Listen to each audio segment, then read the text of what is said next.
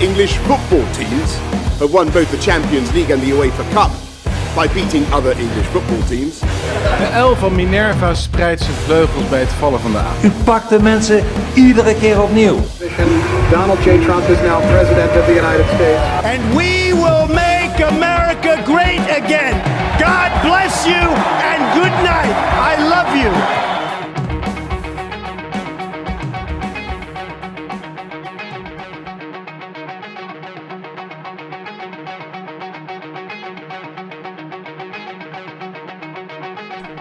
Ja, daar zijn we weer. Het heeft een paar dagen geduurd. Het is vandaag, ehm, als ik het me goed herinner, zondag. En de, eh, de intro is net afgelopen. Ehm, we hebben vandaag een aantal eh, vaste onderwerpen. Eén ding wat heel kort even voorbij komt is het vrouwenvoetbal. Ik denk dat we allemaal de uitslag wel weten momenteel. Ehm, maar daar gaan we het zo meteen als eerste even over hebben. Ik heb hier de onderwerpen van vanavond. Eh, vanavond zijn de onderwerpen de vervroegde verkiezingen in Griekenland. Ehm, de nieuwe Europese, uh, het nieuwe Europese bestuur. Zeg maar, of in ieder geval de, de kopstukken daarvan. Uh, Forum en de PvdA zijn de grootste stijgers. Iran voert uraniumverrijking op. De Britse ambassadeur noemt Trump onbekwaam in gelekte memo's. En Amerika vraagt ook Duitsland om grondtroepen Syrische, Syrië. En de Deutsche Bank zou wel eens 20.000 banen kunnen uh, laten verdwijnen. Daar gaan we het over hebben. Allereerst eventjes heel kort over het vrouwenvoetbal. We hebben verloren, dat weten we waarschijnlijk allemaal op het moment wel. Um, maar alsnog, uh, Amerika, dat is natuurlijk, dat is een, uh, qua voetbal is dat echt een vrouwenvoetbal. Uh, hoe heet het? Um, Amerika is echt, zeg maar, uh, ja, kopstuk van het vrouwenvoetbal. Hebben nu ook vijf keer uh, zijn ze wereldkampioen geworden. Um, dus op zich, we, we, hoeven ons, laat ik het zo zeggen, we hoeven we, zo. We zouden ons niet hoeven schamen omdat we tegen Amerika verloren hebben. Dan over naar de echte onderwerpen van vandaag. Um, en we beginnen in Griekenland. Daar zijn namelijk vervroegde verkiezingen. Um, en dat is, uh, als ik het goed heb, omdat de regering uh, of gevallen is of niet meer verder kan um, vanwege een uh, groot vraagstuk. Um, maar ja, ik, ik persoonlijk, persoonlijk hoop ik natuurlijk dat de conservatieve, of in ieder geval de soort van liberaal-conservatieve partij wint. Maar dat even terzijde. Uh, de stembussen uh, voor de parlementsverkiezingen in Griekenland die zijn vanochtend om 7 uur Griekse tijd dan wel geopend. Um, dat was op verzoek van Alexis Tsipras, dat is de Griekse premier. die wilde vervroegde verkiezingen omdat zijn partij, Syriza, heet hij, zo heet hij. Ik weet niet waarom het zoveel lijkt op Syrië, maar dat maakt niet uit. Um, omdat hij een forse nederlaag heeft geleden bij de Europese verkiezingen. Dus eigenlijk om te kijken, staan, staan ze nu wel achter mij of misschien moeten we de bakens verzetten en moeten we een nieuw parlement hebben, zodat het volk weer vertegenwoordigd is. Uh, de stembussen die zijn, als het goed is, zijn ze weer dicht nu. Um, maar dat zal ik even checken, want ze zouden rond uh, 7 uur lokale tijd dicht gaan. Dus ik ga even kijken hoe laat het nu in Athene is. Um, in Athene is het. Nee, dit klopt niet. Ehm, er stond namelijk drie uur, nou dat geloof ik nooit. In Athene is het nu tien uur.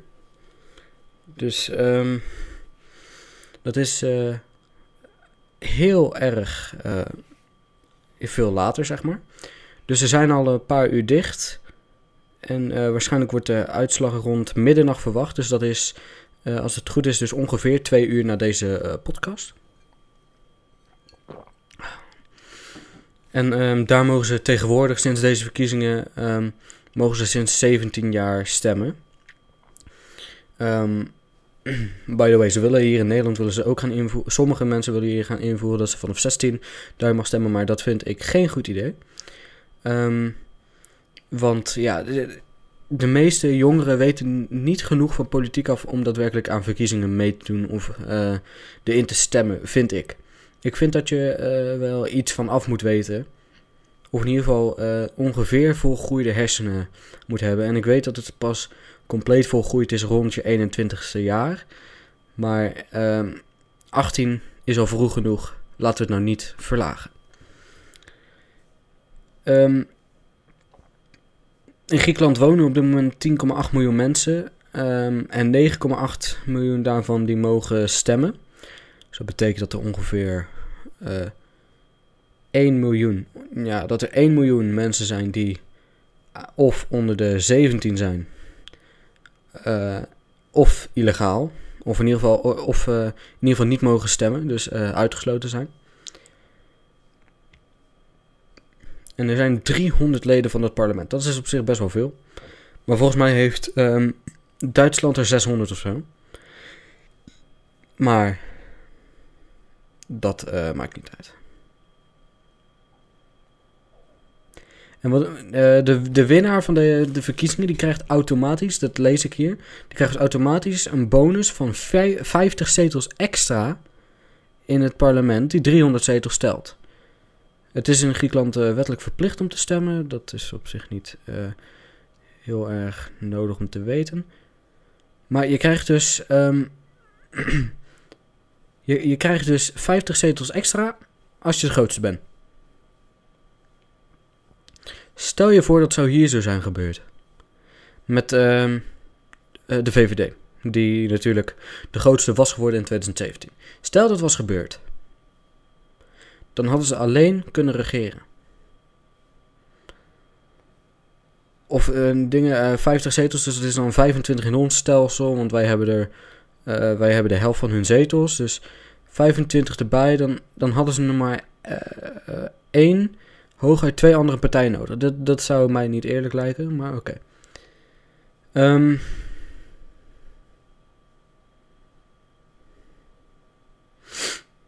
dus in ieder geval, um, het is dus op dit moment zo dat uh, de verkiezingen die zijn nu geweest. En ik ga even uh, checken of dat er al een voorlopige uitslag is.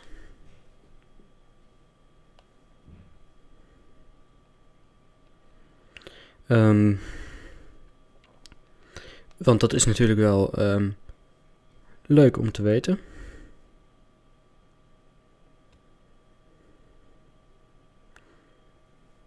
Even kijken.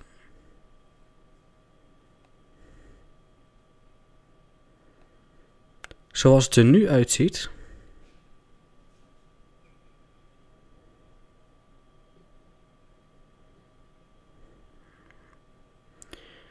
-hmm. Even checken.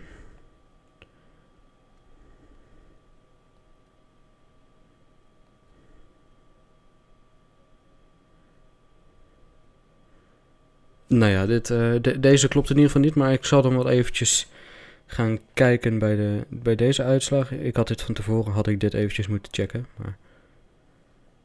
Zoals het er nu uitziet, zou um, Nieuw Democratie, zo heet dat. Um, dat is dus die uh, partij, die liberaal-conservatieve partij.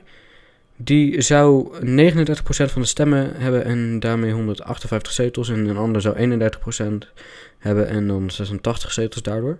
Dus het ziet er nou uit dat um, Nieuw Democratie zeg maar Nieuwe Democratie, dus zeg maar ongeveer ja, de zusterpartij van het Forum voor Democratie, ehm, dat die daadwerkelijk de, de grootste is en eh, zoals ik het hier zie, waarschijnlijk een absolute meerderheid heeft. En dat is op zich is dat best wel goed, goed nieuws. Ehm, dat, dat is eh, zeker goed nieuws. Ehm, alleen, kijk, nu, nu is dus eh, waarschijnlijk premier Tsipras, die gaat waarschijnlijk weg. Nou, waarschijnlijk, dat zal gebeuren.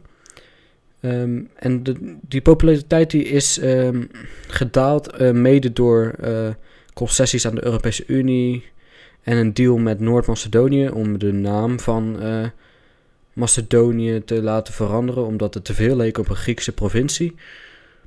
Maar dat even terzijde. Um, maar ja, dat, dat is dus eventjes voor de verkiezingen in Griekenland. Uh, het is natuurlijk altijd wel belangrijk om te kijken naar andere landen en hoe het daar gaat. Want als, um, als andere landen ook een beetje dezelfde richting op gaan, dan kun je een trend waarnemen. En dan kun je ook kijken of dat het in nog andere landen weer gebeurt. We hebben gezien natuurlijk de overwinning van Trump in uh, uh, 2016. Daarna uh, de tweede partij was Wilders hier in Nederland. Als je dan Forum nog bij die zetels optelt als een soort van dezelfde stroming, dan kom je op 22 uit. Um, daarna, even kijken, in Frankrijk, dat bijna Marine Le Pen, of misschien was het zelfs nog wel daarvoor, dat bijna Marine Le Pen had gewonnen. Um, daarna in Duitsland dat de AFD nogal opkomt. In Polen dat de, de PIS, zo heet dat, rechten en rechtvaardigheid. ja, recht en rechtvaardigheid volgens mij. Um, dat heet in de Pools PIS. Dat die hebben gewonnen. Um, en bijvoorbeeld um, uh, Hongarije met de, de Fidesz-partij, dat die heeft gewonnen. Dat is natuurlijk ook een uh, goede ontwikkeling dat dat nog steeds gebeurt. Althans, het blijkt wel dat het volk van Hongarije erachter staat. Um, maar dit is dus een, een conservatieve, liberaal-conservatieve trend die je zo'n beetje over heel Europa, sterk nog de, heel de westerse wereld een beetje waar kan nemen. Je hebt dus nu net... Je hebt Trump, Wilders, Baudet. Baudet die de grootste werd in de Eerste Kamer. Dat is ook mooi. Um, ja, dat, dat is gewoon mooi. En je, ziet gewoon trends erin. En ik denk dat het ook nog wel even voortgezet zal worden. Dan gaan we nu naar het volgende bericht. En dat is um, namelijk de nieuwe kopstukken van de Europese Unie. En ik drink eerst eventjes een slokje water. Lekker man. Um, want de, de, de lijsttrekkers van de Europese verkiezingen, die natuurlijk nog niet al te lang geleden zijn, die uh, zijn gepasseerd, zeg maar. Die, uh, die worden geen uh, leiders daadwerkelijk in de Europese Unie, dus in, de, in het daadwerkelijk bestuur. Uh, waarschijnlijk zijn de posities verdeeld. En de, volgende, de, nieuwe Europese leiders. allereerst de voorzitter van de Europese Commissie. Die gaat dus Jean-Claude Juncker. die, die dronkenlap uit Brussel gaat hij opvolgen. Um, nou ja, nou goed. En die is um, 60 jaar. Die was um, defensieminister. En daarin was ze niet heel erg effectief. Laat ik het dan daarop houden. Niet heel erg effectief. Um, maar die wordt dus de voorzitter van de Europese Commissie. En die heeft in een interview uh, aangegeven dat uh, haar goal, haar doel, is om een Verenigde Staten van Europa te vormen. Nou, als je dat dus uh, niet wilt, bereid je hem alvast maar voor op, op wat gaat komen. Want het is natuurlijk sinds, vooral sinds 2000 is het snel gegaan. Sinds 2000 de invoering van de euro, het het verdrag van Lissabon, wat eigenlijk de Europese grondwet is. Het eh, verdrag met Oekraïne. ehm, en vooral tijdens die crisis konden ze snel even wat bevoegdheden naar zich toe trekken. En nu moeten we het eigenlijk gewoon weer terugtrekken. Dat is eh at least wat ik eh, zou willen. Ehm, maar zij, zij moet nog wel worden goedgekeurd door het Europees Parlement. En het, er is een grote klan, eh. Er is een grote kans dat dat niet gebeurt. Ehm, want de leden van het Europees Parlement die staan niet heel positief tegen eh, Ursula von der Leyen. Eh, wat dus de nieuwe Europese Commissievoorzitter eh zou kunnen worden. Maar het kan dus nog eh, goed zijn dat zij niet wordt eh, geaccepteerd door het Europees Parlement. Ehm, eh, trouwens, ze, is een partijgenoot van Angela Merkel. En zelfs Angela Merkel vond het niet. ehm, die vond het eigenlijk niet goed. Die wilde het eigenlijk niet dat eh, een minister van der Leyen. dat hij dat. eh, dat hij de voorzitter van de Europese Commissie zou worden. Dat vond. ehm, dat, dat vond. eh, zo. Ze, dat vond ze eigenlijk niet een, eh, goed idee. Verder, eh, de voorzitter van de Europese Raad, met andere woorden, EU-president, wat nu Donald Tusk is. Ehm, Die wordt de opvol, eh, dat wordt eh, Charles Michel. Nou, nu kun je nou afvragen wie, wie is die Fransman? Nou, allereerst het is een Belg. Ehm, het is de eh, Belgische premier die net een flinke nederlaag heeft geleden. Ja, die, ehm, die heeft een flinke nederlaag geleden. Zijn partij is eh, daardoor waarschijnlijk uit de regering gebonjourd. En ehm, die zal ook waarschijnlijk niet meer terugkomen in de Belgische politieke arena. Maar nu gaat hij dus, ehm, het, als ik het goed heb, het op één hoogste ambt binnen de Europese Unie vervullen. Ehm,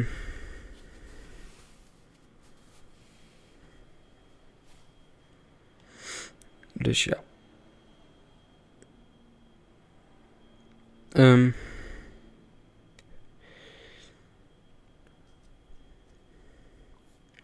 verder de, de eh, EU-buitenlandchef. Eh, dat wordt eh Josep Borrell. Dat is een Catalaan, zie ik. Ze willen hem dus niet als Spanjaard eh, eh, zien, zeg maar. Maar gewoon als een Catalaan. Hij is 72 jaar. Ehm, en als eh, het parlement hem goedkeurt, zal hij eh, Federica Mogherini opvolgen. Ehm, hij heeft zich fel uitgesproken tegen de Catalaanse onafhankelijkheid. En hij was. ehm, hij is sinds 2018 is hij minister van Buitenlandse Zaken in het kabinet van Pedro Sanchez. Wat de Spaanse premier is.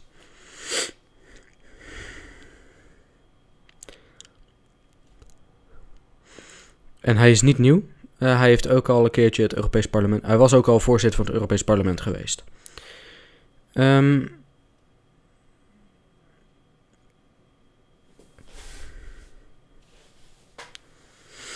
en de voorzitter van het Europees Parlement, eh, David Sassoli.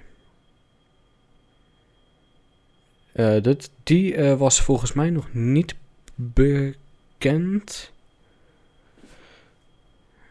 Ehm, en die neemt het eh, over van, de, van zijn landgenoot. Antonio Tajani. Wat een mo- mooie naam. Ehm, dan de voorzitter van de Europese Centrale Bank. Dat wordt Christine Lagarde. En eh, dat was een Franse minister.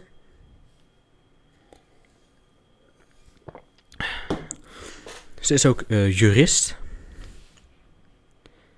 En door haar benoeming zal ze de eerste vrouw zijn die aan het roer komt van de ECB. Eh, ze was ook al een keertje de eerste vrouwelijke directeur van een eh, groot advocatenbureau. De eerste vrouwelijke minister van Economische Zaken in een G7-land. En eh, met haar aanstelling bij het IMF kreeg de organisatie voor het eerst een vrouw aan het hoofd. Dus aan die titel hoeft ze niet te wennen. Had dan een ander naar voren geschoven. Als het puur daarom ging. Er zijn nog wel posities open, staat er. Ehm 27 eurocommissarissen moeten nog worden gekozen. Elk EU-land levert er één. Ehm, en eh, voor Nederland zal het waarschijnlijk weer Frans Timmermans zijn. Eh, of eh, de regering moet anders besluiten. Ehm von der Leyen moet ook nog twee vicevoorzitters aanstellen. Ehm, waarbij ze al heeft gezegd dat ze waarschijnlijk voor Timmermans en eh, de Deense Margrethe Verstagen zal gaan. Ehm, het is nog niet eh, bekend wie de tweede termijn van het EP en de Europese Raad gaat doen. Eh, dus ehm, het Europees Parlement en de Europese Raad. Maar dat even terzijde. Het is dus nu zo dat de baantjescarousel is weer in gang gezet. Ehm, want een falende Duitse minister, die wordt de leider, de Europese Commissie, voorzitter. Ehm, de Belgische premier, Charles Michel, die wordt na een nederlaag EU-president. De oud-voorzitter van het Europees Parlement wordt de buitenlandschef. En ehm, hierbij kan ik dus alleen maar zeggen: laten we snel die maffia aanpakken. En dus eh, niet eh, toegeven van ja, ja, laten we maar eens kijken hoe ze het doen. Nee, gewoon direct keihard aanpakken. Dan gaan we alweer naar het derde onderwerp van vandaag. En dat is eh, Forum voor Democratie en de Partij van de Arbeid. Rare combinatie, maar toch. Forum voor Democratie en de Partij van de Arbeid die zijn in het laatste parlementaire jaar namelijk ehm, het meest gestegen in de peiling van ehm, ja, de, de peile- pijler onder de pijlers, Maurice de Hond. De PVV die heeft het meest verloren, eh, gevolgd door de SP. Ehm, eh, de PvdA die heeft er eh, acht zetels bij gekregen in een jaar. Die staan nu op 18. En eh, Forum voor Democratie die, die hebben er zes bij elkaar gekregen. Ehm, wij staan nu op 22. De PVD, de PVD. De PVV die heeft op dit moment min 7 eh, vergeleken met het vorige parlementaire jaar. Dus die staan nu in totaal op 9. Eh, en de SP die heeft er 5 verloren. Eh, die staan in totaal op 7. CDA heeft er 2 bij gekregen. In totaal. ChristenUnie 1. VVD en D66 verliezen 3 zetels. En dit is dan ten opzichte van september 2018. De coalitie die heeft eh, drie zetels verloren. En ehm, staat nu in de eh, peiling op eh, 17 zetels verlies. Ehm, D66 is eigenlijk eh, vrijwel de enige van het eh, kabinet die het echt slecht blijft doen. Ehm velen denken dat dat komt door eh, hun voorman, eh Rob Jetten. Ehm, eh, ook heeft eh, Maurice de Hond eh, kiezers gevraagd welke partijen het dit jaar het beste hebben gedaan. Voor Democratie wordt het meest genoemd. VVD, PvdA en GroenLinks staan vrijwel gelijk op de tweede plaats. D66 en de SP die scoren het slechtst. Door de huidige kiezers van D66 worden GroenLinks, Partij van de Arbeid en VVD meer genoemd dan D66 zelf.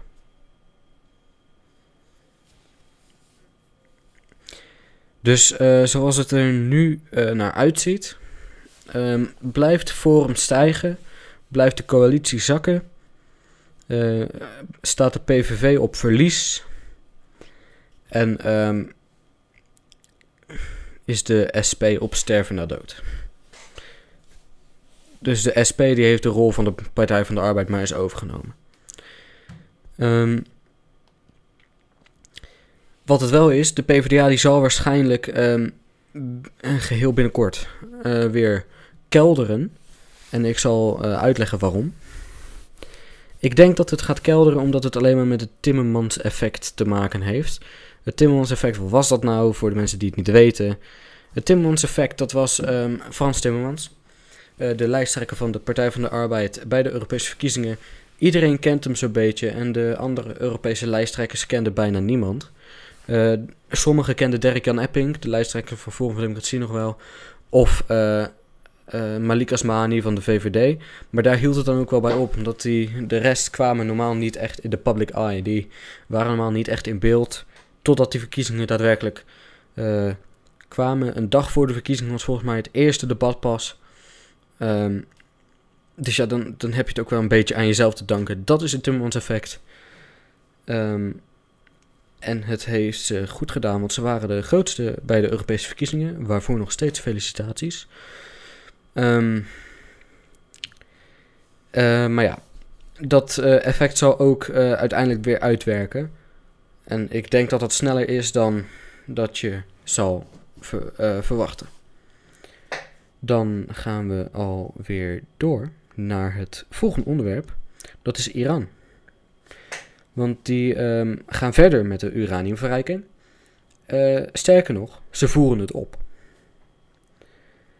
Um, Iran die gaat uh, uranium verrijken tot een hoger percentage dan uh, 3,76, oftewel 3,67, uh, nee 67 um, procent. wat afgesproken was dat ze konden verrijken. Uh, die, Aran, die Iraanse onderminister van Buitenlandse Zaken, Abbas Arakski,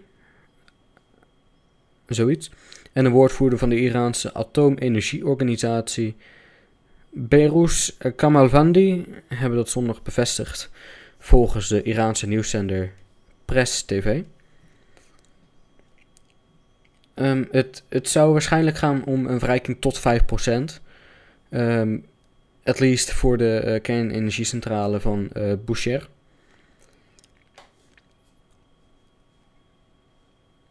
Um, uh, Iran zegt zelf dat ze niet meer aan de internationale overeenkomsten over de beperking hoeft te houden, omdat andere partijen of andere landen dat ook niet doen. De VS heeft het akkoord vorig jaar opgezegd en weer sancties afgekondigd tegen Iran. Um, Iran die wordt economisch uh, zeer zwaar getroffen door die sancties. Um, even kijken. Um, de nucleaire deal die uh, de Verenigde Staten en uh, Iran hebben gesloten in 2015, die zou het land verlossen van, de, van hun isolatie en zou de economie vlot trekken. Uh, China, Duitsland, Frankrijk, Groot-Brittannië en Rusland willen de overeenkomst wel redden, maar ze weten niet hoe de schade die de Amerikaanse uh, hoe ze de schade kunnen beperken die Amerikaanse sancties um, toebrengen. Um, de, uh, de inspecteurs van het Internationaal Atoomenergieagentschap die zullen um, kijken of ze de afspraken uit 2015 hebben geschonden. Uh, hoe willen ze dat gaan checken? Het is uh, daar veel te laat voor. Iran dreigt meer afspraken te gaan schenden als er geen oplossing wordt gevonden. Um, uh, ze zeggen ook meer dan de toegestane hoeveelheid uh, van uh, verrijkt uranium op voorraad, dat ze daar meer hebben dan de maximale 300 kilogram die was afgesproken. De Franse president eh, Emmanuel Macron sprak eh, dit weekend ehm, meer dan een uur lang telefonisch met zijn eh, Iraanse ambtgenoot, wat volgens mij dan de Iraanse president is, of misschien religieus leider. Ik weet niet hoe dat ze dat daar allemaal doen. Ehm, vooral de Verenigde Staten die beschuldigen Iran er al heel lang voor van dat ze nucleaire wapens willen maken. Uh, maar ja, Iran die spreekt dat natuurlijk tegen. Of dat dan ook echt zo is, dat weten we niet, want uh, Iran die heeft al wel vaker gelogen. Maar ja, de VS heeft ook al, al wel vaker dingen verteld die ook niet waar waren natuurlijk. Dan gaan we verder naar het volgende onderwerp. En dat is alweer, als ik het goed heb, de ene laatste.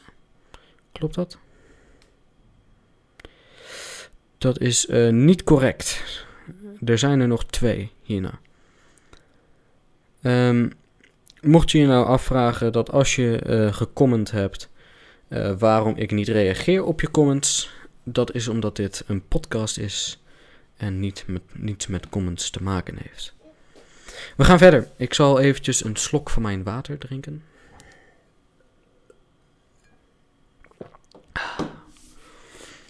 Heerlijk. De Britse ambassadeur die noemt Trump onbekwaam ingelekte memo's. Nou, los van, van wat je van uh, de president van de Verenigde Staten vindt, van Donald Trump, of die echt uh, volgens jou onbekwaam is of niet, als ambassadeur van uh, Groot-Brittannië of van welk land dan ook, hoor je dit niet te zeggen.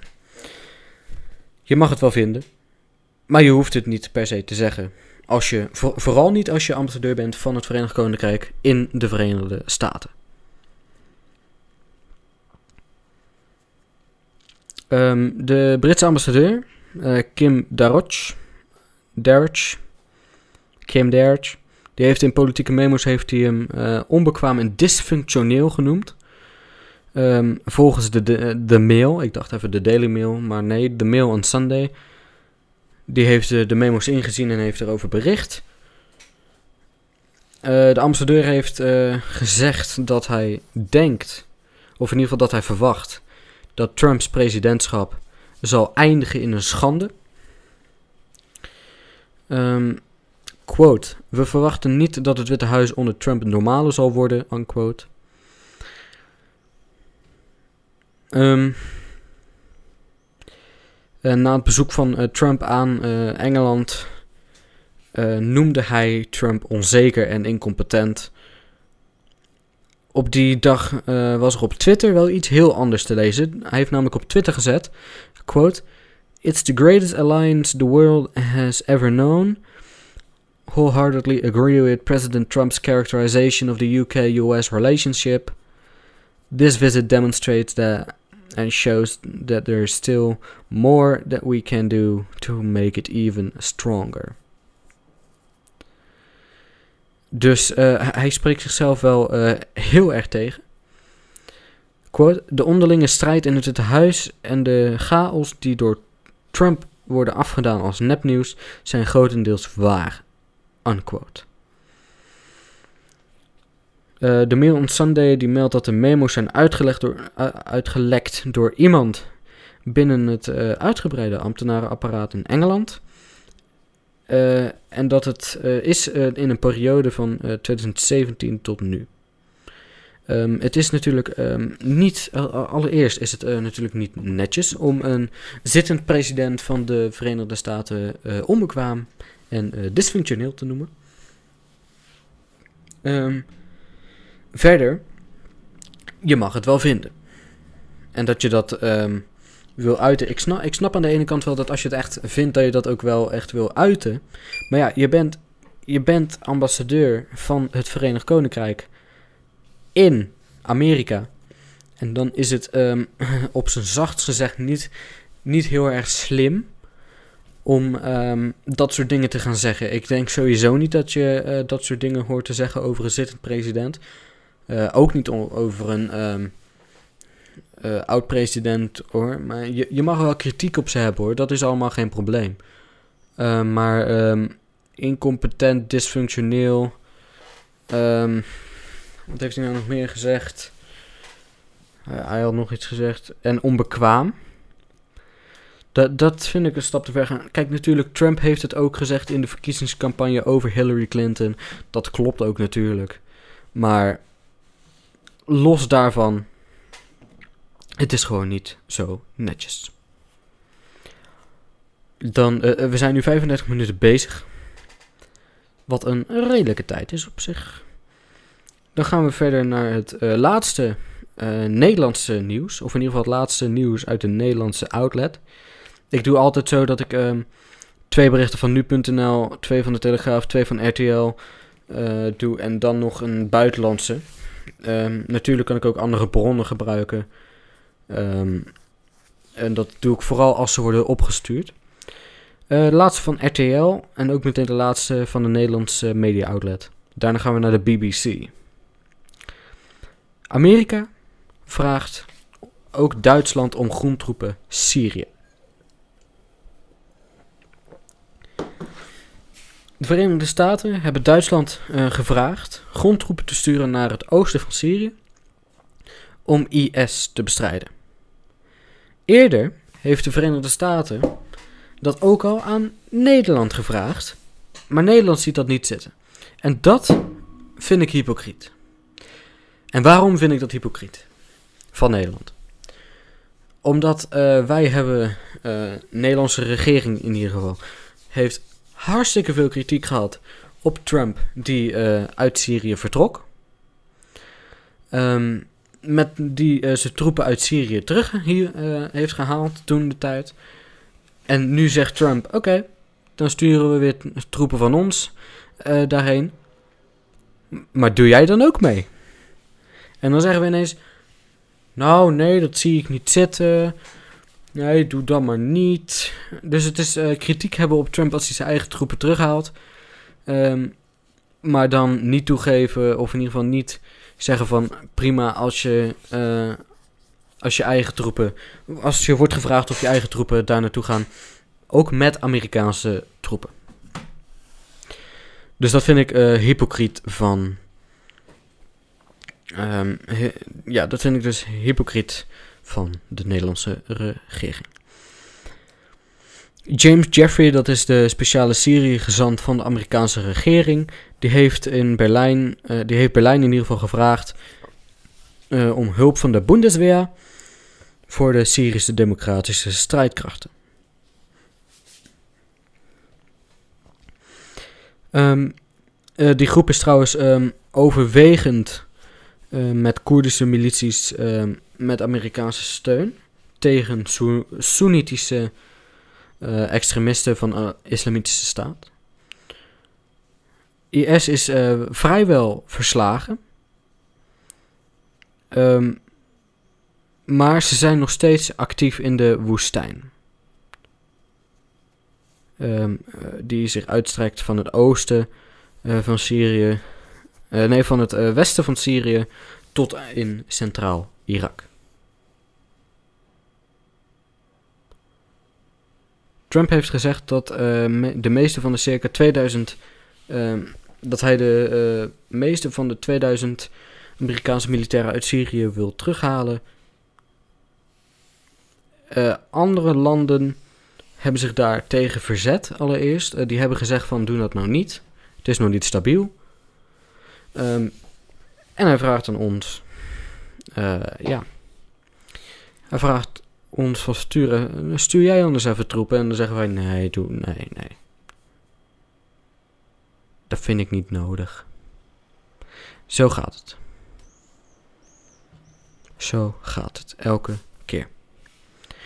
Dan gaan wij naar de, het laatste bericht.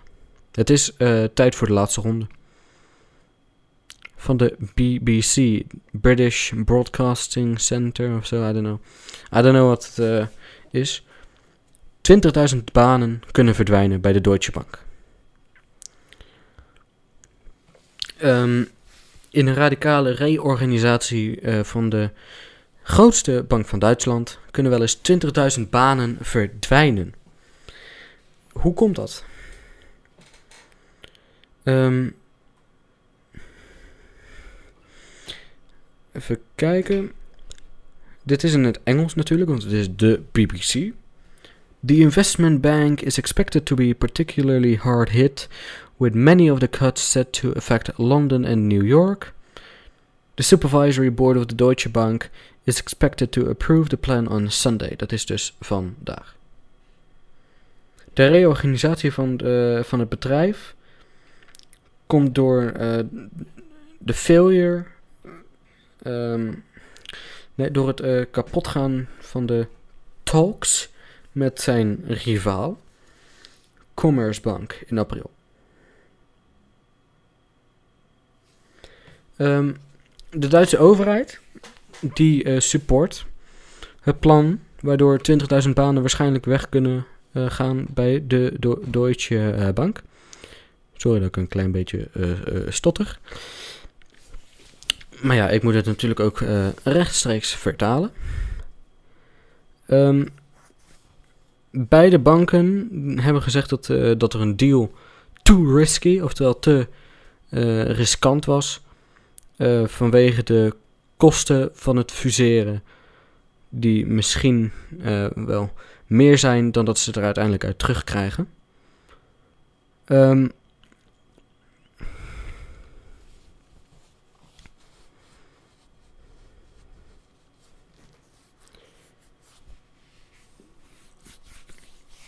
wat ik hier zie.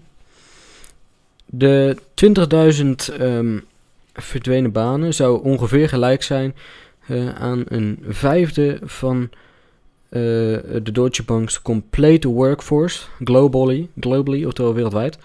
Uh, met ongeveer 8000 staf is Londen um, het, het hoofdkwartier.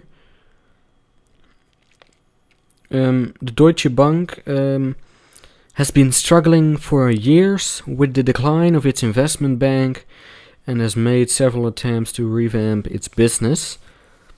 It is thought that the latest plan will be the most ambitious so far, and it has already prompted the resignation of one top executive. En dat is Guard Ritchie. Dat is, um, even kijken, dat heeft hij vrijdag uh, aangekondigd. Dat is de Head of Investment Banking.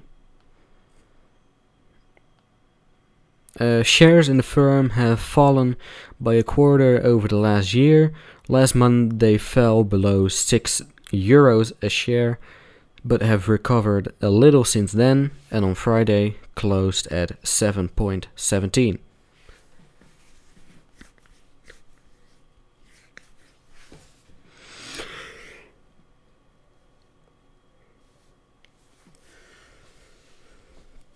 Dus.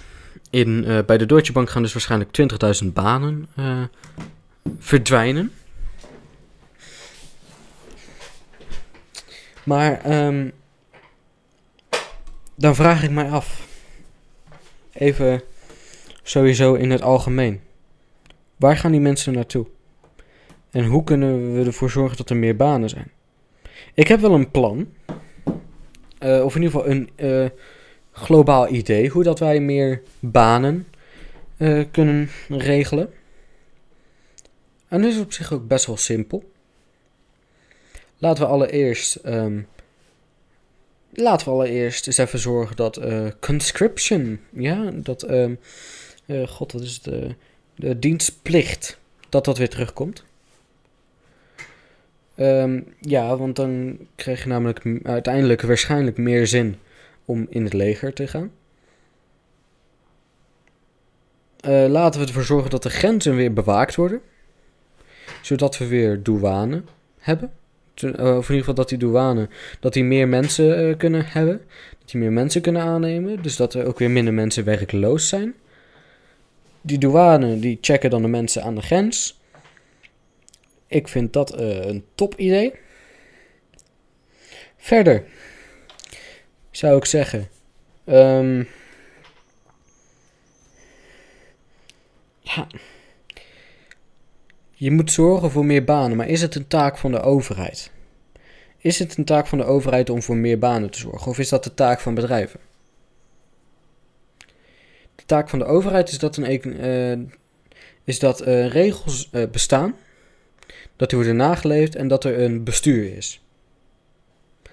En natuurlijk kun je wel eh, stimuleren om meer banen te gaan creëren, maar je kan het nooit afdwingen. En ik denk dat dat, aan, eh, dat, dat ook wel goed is. Ik zou zeggen, ik denk dat wij weer klaar zijn voor vandaag. Dat denk ik serieus. We hebben het allemaal gehad. We hebben de berichten gehad. We begonnen met het vrouwenvoetbal en we beëindigden in Duitsland. In ieder geval met de Deutsche Bank.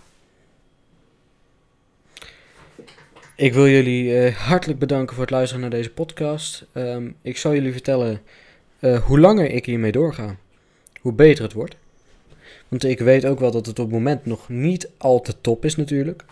Maar ja, ik ben ook pas, dit, dit is pas episode 3. 3, 3. Dit is episode 3. Episode 3. Maar ja, het wordt eh, steeds beter. En ondanks dat, eh, desondanks dat de eh, vrouwen niet hebben gewonnen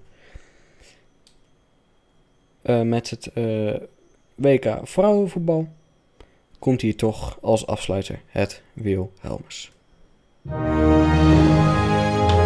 Goedenavond.